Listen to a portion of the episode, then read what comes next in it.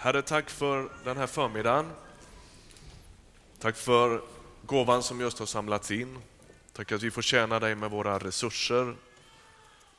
Nu ber vi om hjälp att förvalta dem på allra bästa sätt.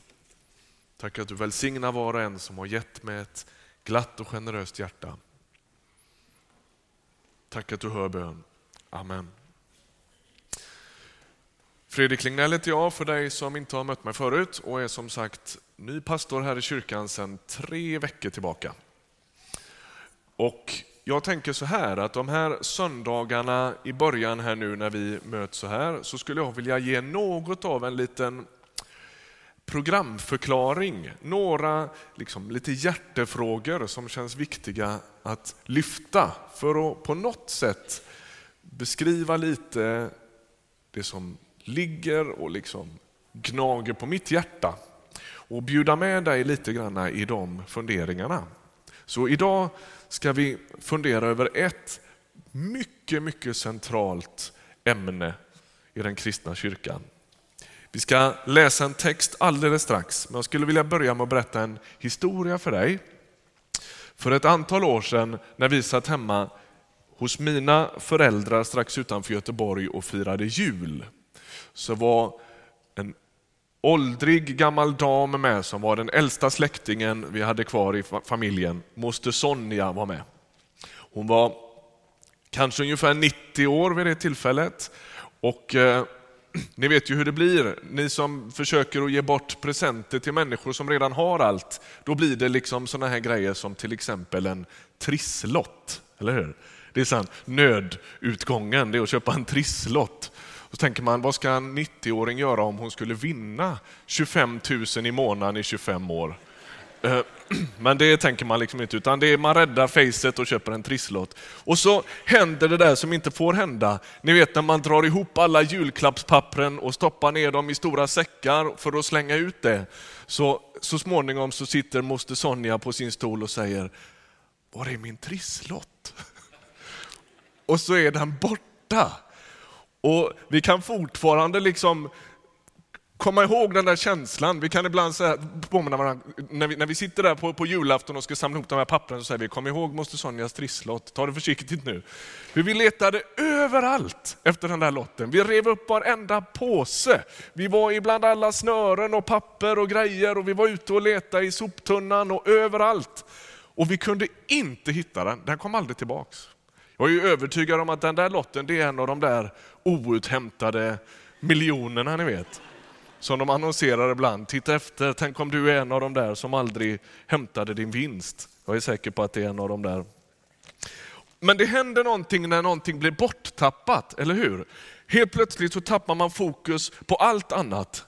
Och så är det enda man kommer att tänka, liksom kan tänka på det den där lilla papperslappen som man inte vet var den är. Och det ställer liksom hela agendan för resten av julafton. Var är trisslotten?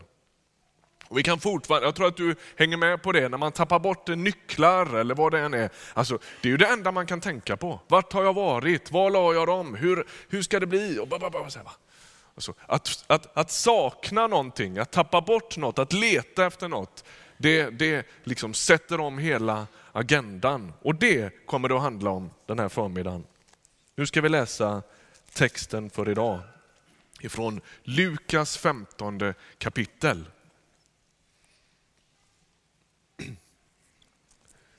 Lukas evangeliet, för dig som är ovan kyrkobesökare hittar du det i Nya Testamentet om du har en bibel med dig. Det finns fyra huvudberättelser om Jesus. Matteus, Markus, Lukas och Johannes. Och vi läser från kapitel 15 i Lukas. Alla tullindrivare och syndare sökte sig till Jesus för att höra honom. Fariseerna och de skriftlärda förargade sig och sa, den mannen umgås med syndare och äter med dem. Då gav han dem denna liknelse. Om någon av er har hundra får och tappar bort ett av dem, lämnar han då inte de 99 i öknen och går och letar efter det borttappade tills han hittar det? Och när han hittar det, Då blir han glad och lägger det över axlarna. Och när han kommer hem samlar han sina vänner och säger till dem, gläd er med mig. Jag har hittat fåret som jag hade förlorat. Jag säger er, på samma sätt blir det större glädje i himlen över en enda syndare som omvänder sig än över 99 rättfärdiga som inte behöver omvända sig. Där stannar texten.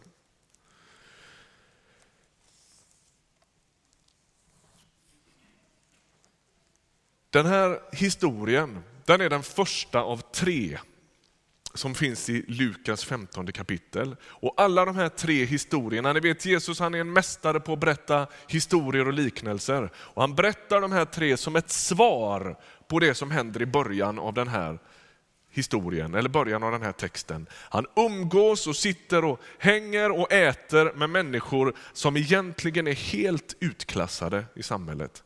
Fariseerna kallar dem för syndare. De är tullindrivare, vilket betyder att de står i princip så långt ner på skalan som man kan komma. De är landsförrädare eh, och de är djupt föraktade. Djupt föraktade. Och så sitter Jesus och äter med de här människorna, vilket i den tid och kultur då det inträffar är något helt annat än när vi äter med folk. När han gör det så är det ett, en signal och en liksom demonstration att de här människorna hör jag ihop med. Och Det är det som är så djupt provocerande för den religiösa eliten. De ser det här och så säger de, han äter och dricker med syndare. Det är djupt provocerande för de som finns där. Och så berättar han tre historier. Berättelsen som vi läste nu om det förlorade fåret. Sen kommer det en historia som handlar om kvinnan som tappar bort ett mynt. Och sen kommer den kanske mest kända av de här tre, berättelsen om den förlorade sonen. Och allihopa, liksom, det är som att det här eskalerar hela tiden. Han berättar om fåret, om myntet och om sonen och alltihopa försöker beskriva en och samma sak. I den här historien så är det någonting som har tappats bort. Och Det betyder för det första att när Jesus försöker beskriva de här människorna som sitter där utifrån den här berättelsen så säger han Gud har tappat bort någonting som djupast sett tillhör honom. Eh, kvinnan med myntet, herden med fåret, pappan med sonen. Allihopa har tappat bort något som egentligen tillhör dem. Och det han liksom säger mellan raderna till de här religiösa elitmänniskorna, det är de här som ni har klassat ut, de tillhör mig. Djupast sett är de mina. Och jag tänker, det är inte så dumt att påminna sig om det lite då och då, när man möter människor i alla möjliga olika situationer. När du tröttnar på människor i, vart vet jag, på ICA som är arroganta och tränger sig före i kön. Eller sådär va? När du funderar över vad är det här för tokar som jag jobbar ihop med. Eller när du liksom, grannar eller vilka den är, så försök att påminna dig om att alldeles oavsett hur de beter sig, alldeles oavsett vilka de är, alldeles oavsett deras historia, deras bagage, deras ryggsäck, deras attityder, så djupast sett Djupast sett så tillhör de Gud. De är hans egendom och det gör något med oss att påminna oss om det. Och Poängen som Jesus ger den är alldeles, alldeles glasklar. De är människor som han umgås med och som han äter med. De må kallas syndare och landsförrädare och tullindrivare, men de är Guds. Fariseernas gudsbild, fariseerna de, de är religiösa elitmänniskor kan man säga. De tror, de är övertygade om att de har rätt. De är väldigt måna om att tro rätt och att göra rätt. Men det är som om Jesus liksom försöker få dem att förstå att ni, ni ser inte klart. Ni dömer ut de här människorna. Er gudsbild och er människosyn rymmer inte de här syndarna, som ni kallar dem. Men Men de är inte utdömda av Gud. Så är det. Jesus han köper inte deras syn. Utan han berättar om hedens och kvinnans och faderns stora förlust. Och hur den förlusten och hur den sorgen driver herden i den här historien ut för att söka. Förlusten, sorgen och kärleken driver herden till att leta.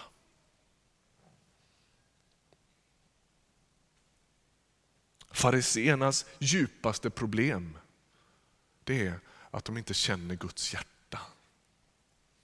De har rutat in tillvaron utifrån sina religiösa principer och ändå har de gått fullständigt vilse. Fariseerna ser lyckade människor och misslyckade människor. Och Jesus han beskriver hur Gud, alldeles oavsett hur det har blivit i livet, ser människor som djupast sett tillhör honom. Så en av de stora poängerna i det här kapitlet, när Jesus berättar de här tre historierna, det är hur Gud tänker, hur Gud ser på folk, hur Gud känner. Och fariseerna har liksom missat hela grejen. De sitter och rutar in tillvaron utifrån principer och så har de missat att Gud inte bara är en hjärna utan ett blödande hjärta.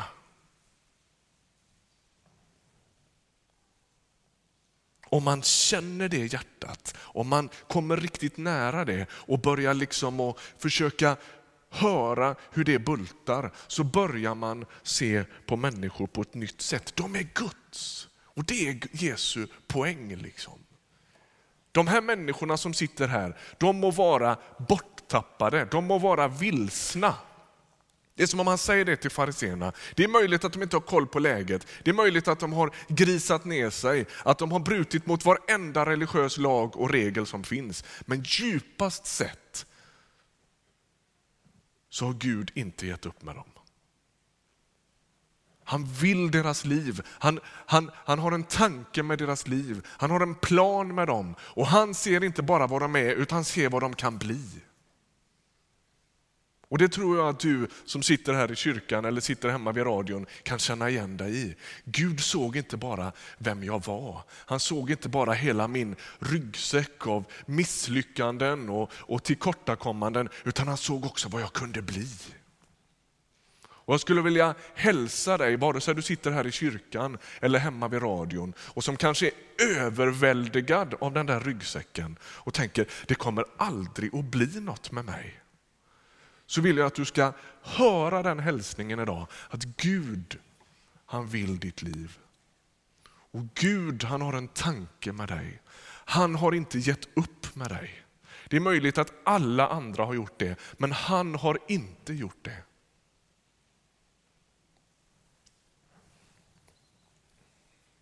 Du är skapad av Gud och du är älskad av Gud. Han ville ditt liv. Du kanske till och med har fått höra att ditt liv aldrig skulle blivit, blivit liksom. Att du är ett misstag. Att, att det inte finns någon som har väntat på dig. Att det inte finns någon som egentligen har, har tänkt någon högre tanke om dig. Jag skulle vilja hälsa dig, Gud gör det. Han vill ditt liv. Han har en tanke och en plan med dig. Alldeles oavsett om du är farisé eller tullindrivare eller någonstans mittemellan. Och så inleder herden det här sökandet. Alltså det här är ju en ganska radikal och ganska provocerande text för oss kyrkmänniskor. Jag vet inte om du har tänkt på det någon gång. Trots att herden har 99 får kvar, det är ju inte så, det är inte så illa. Alltså det är ett hyfsat litet svinn, får man ändå säga. En procent. Han skulle kunna luta sig tillbaka och säga, men ah, en mer eller mindre. Så va? Men det han gör, det är att han, lyssna nu, För det här är en poäng för dig som är kyrkmänniska. Han äventyrar de 99s trygghet för det hundrades skull. Jag ska säga det igen, för det är liksom en av poängerna när vi pratar programförklaring. Heden i sin iver, driven av sin förlust, sin kärlek, sitt blödande hjärta äventyrar de säkra för det hundrades skull.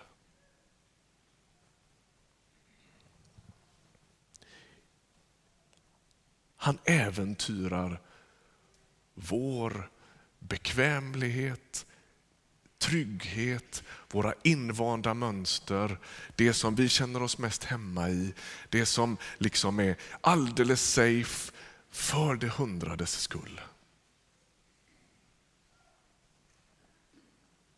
Det är inte så säkert att det är alldeles ofarligt att höra till de där 99. När herden börjar rumstera om och börjar prata om det hundrade, då gäller det att hålla i hatten. Varför finns Ryttargårdskyrkan? Och då menar jag inte huset här i första hand, utan gemenskapen. Varför finns den här församlingen? Det finns ju självklart många svar på den frågan. Och vi ska liksom inte köra i diket och spela ut det mot varandra, men djupast sett skulle jag vilja hävda att församlingen inte finns till, kan aldrig finnas till för sin egen skull. Djupast sett finns en kristen gemenskap alltid till för någon annan. För att vara Guds redskap i den här stan. För alla de människor som bor och lever här. Och så fort vi blir alltför interna har vi missat vårt uppdrag. Och den kraften att bli intern, den är otroligt stark. Det finns så mycket saker vi skulle kunna fastna i som handlar om interna angelägenheter. Vi skulle kunna fundera över tycke och smak. En del vill sitta så här, andra vill sitta på ett annat sätt när de firar gudstjänst. En del vill ha röda färger och andra vill ha blå. En del vill ha sångböcker, andra vill ha det. Si och så, fram och tillbaka. Det finns hur många exempel som helst på gemenskaper som har kört fullständigt i kvav för att man blir interna. Djupast sett, nu kommer min poäng idag. Var med här nu. Det kan vara bra när någon frågar hemma vad handlar det om? Så behöver du inte komma ihåg något mer än det som jag säger nu. Är du med? Vi finns till för dem som ännu inte är här. Kan vi, inte, kan vi inte upprepa det allihop? Är ni med? Nu. Vi finns till för dem som ännu inte är här. Jag hoppas att du är med på att om vi säger det och menar det och nickar när vi säger det, så kommer det att innebära ett och annat. Är du med på det? Det kan få konsekvenser för vårt sätt att fira gudstjänst, vårt sätt att samlas, våra attityder, våra böner. Om, det, om vi fick fatt på det, jag talar om oss allihop därför att jag är precis lika liksom, benägen att bli navelskådare och intern som alla andra. Jag tror att vi gång efter annan måste påminna oss om det. Om vi liksom håller, håller det högt och vårdar det, att Gud på ett särskilt sätt blöder för den som ännu inte är här. Så kommer det att göra något med hela våran gemenskap.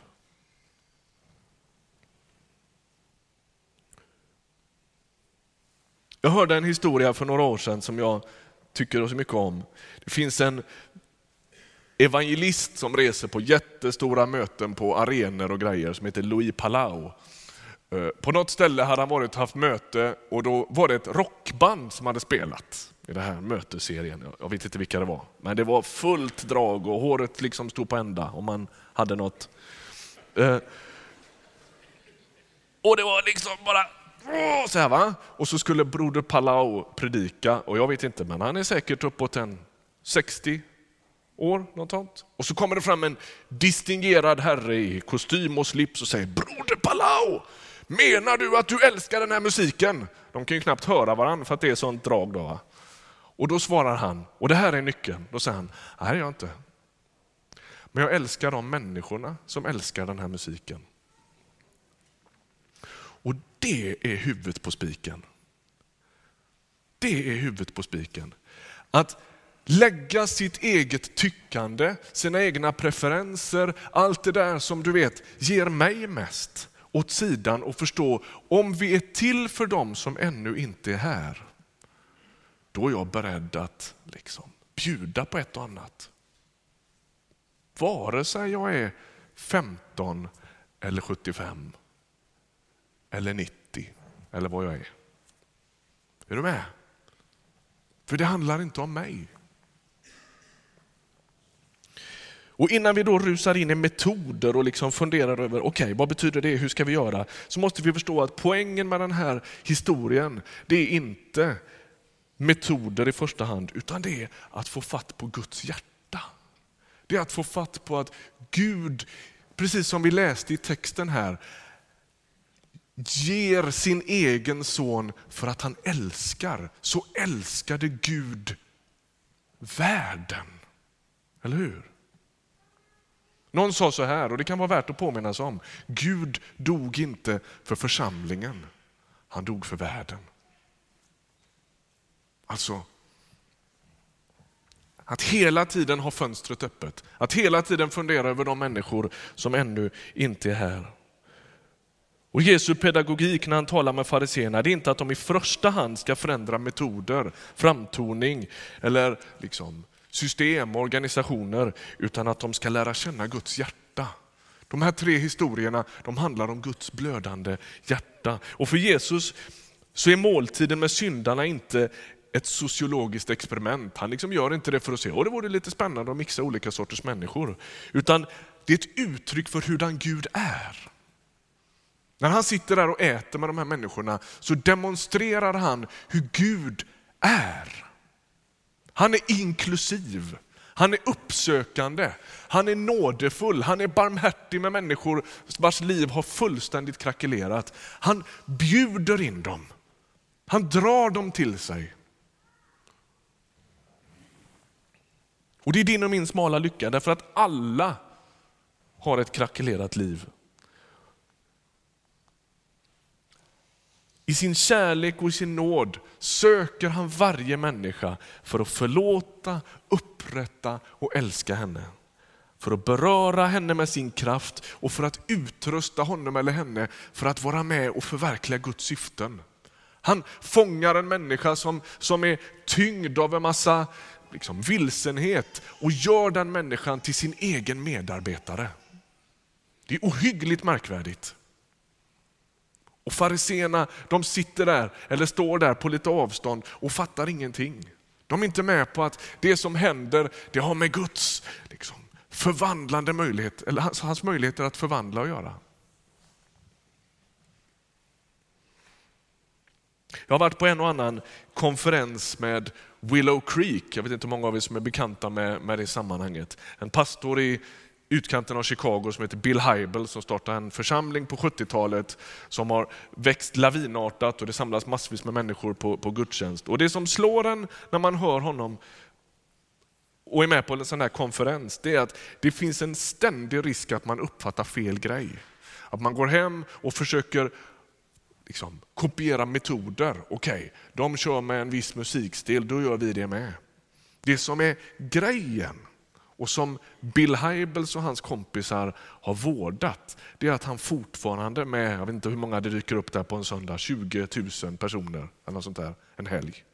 Det är att han fortfarande har vårdat, liksom, efter alla de här åren, just precis det här. Tänk att få vara med och se en människa göra en livsförvandlande erfarenhet av Jesus. Om man inte får tag på det, då har man missat hela grejen. Det är det som är poängen. Det är inte metoderna, det är inte liksom alltihopa det där flashiga runt omkring som i sig är liksom spännande, utan det, det är det andra. Guds blödande hjärta. Så jag säger något också i avslutningen här om glädjen som Jesus beskriver. I alla de här tre liknelserna så finns förlusten med, sökandet finns med och så finns glädjefesten i slutet. Ser du den här kontrasten som uppstår här? Här står arga, förnärmade, lite nervösa religiösa ledare och undrar, hur passar det här ihop? Det kan inte vara Gud. Och så mitt i det där så sitter en festande Gud. Va? En glad Jesus som, som har party med sina vänner och som försöker demonstrera hur Guds rike fungerar. Det inkluderar och det har med glädje och fest att göra. Jag läste i en bibelkommentar att judarna på den här tiden lär ha haft ett ordspråk som gick ut på att det var en glädje för Gud när människor som hade handlat emot hans bud blev utrotade från jorden. Det var liksom ett, ett sorts ordspråk som man använde. Gud han gläds över att få mosa olydiga människor. Och så vänder Jesus på alltihopa det där. Och så beskriver han Guds sorg över det förlorade, men också hans glädje över det återfunna.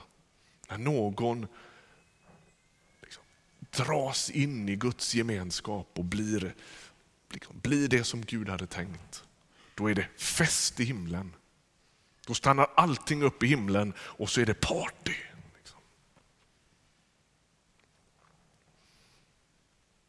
Alldeles oavsett vem det är. Jag träffade en kille för några år sedan, jag har jobbat med en organisation som heter Teen Challenge som, som, som främst möter människor på gatan och i drogmiljöer och så.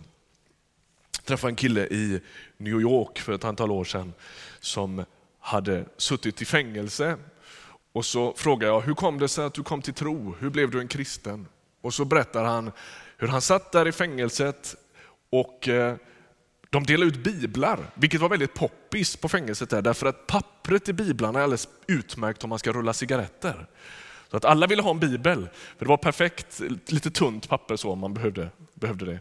Så då berättade han att det, det hände ju då att man liksom rev en sida ur det där och så, och så rullar man cigaretter av bibeln. Och så säger han så här, i smoked Matthew. Så han. Jag rökte Matteus evangeliet. I smoked Mark. I smoked Luke. And then John smoked me. Och så berättar han om hur han gör en erfarenhet av Jesus där, ensam i sin cell, när han läser precis det som vi läste innan här.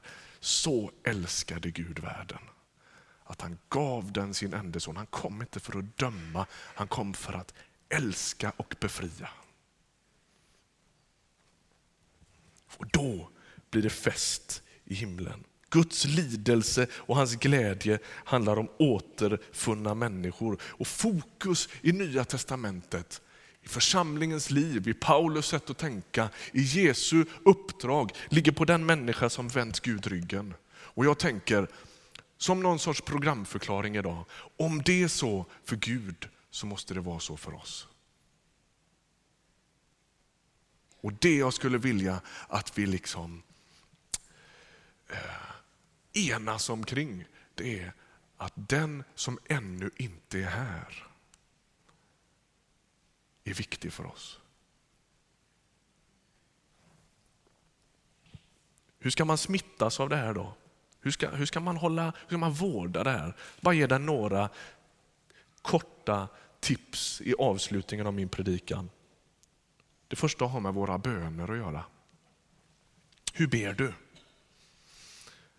Börja be för en granne. Eller en eh, arbetskamrat. Eller en släkting som inte känner Jesus. Gör det troget. Och du ska se att det kommer att hända något, inte bara med grannen eller arbetskamraten, utan med dig.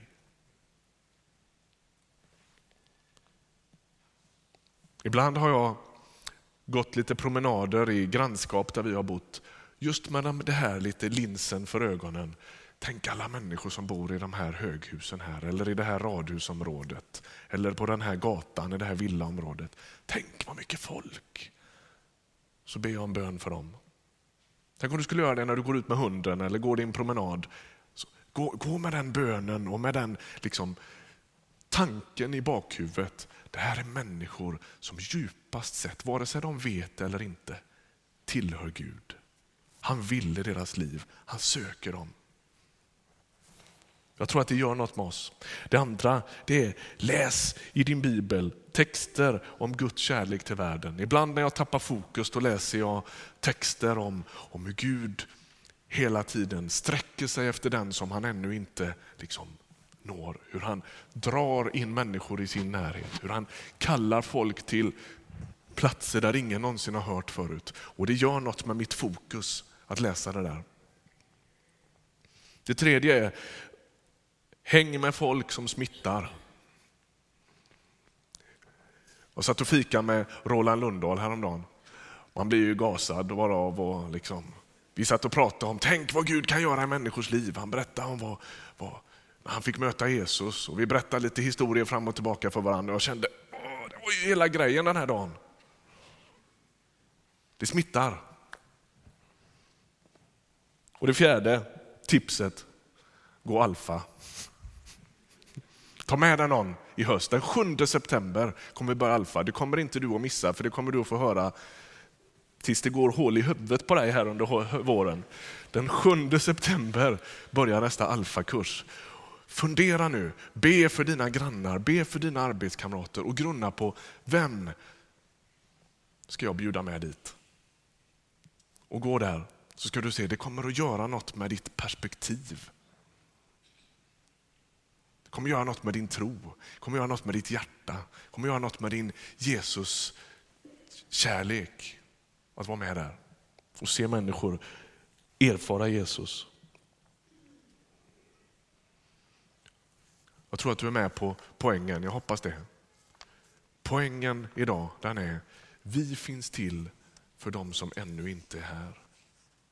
Det är vårt djupaste uppdrag.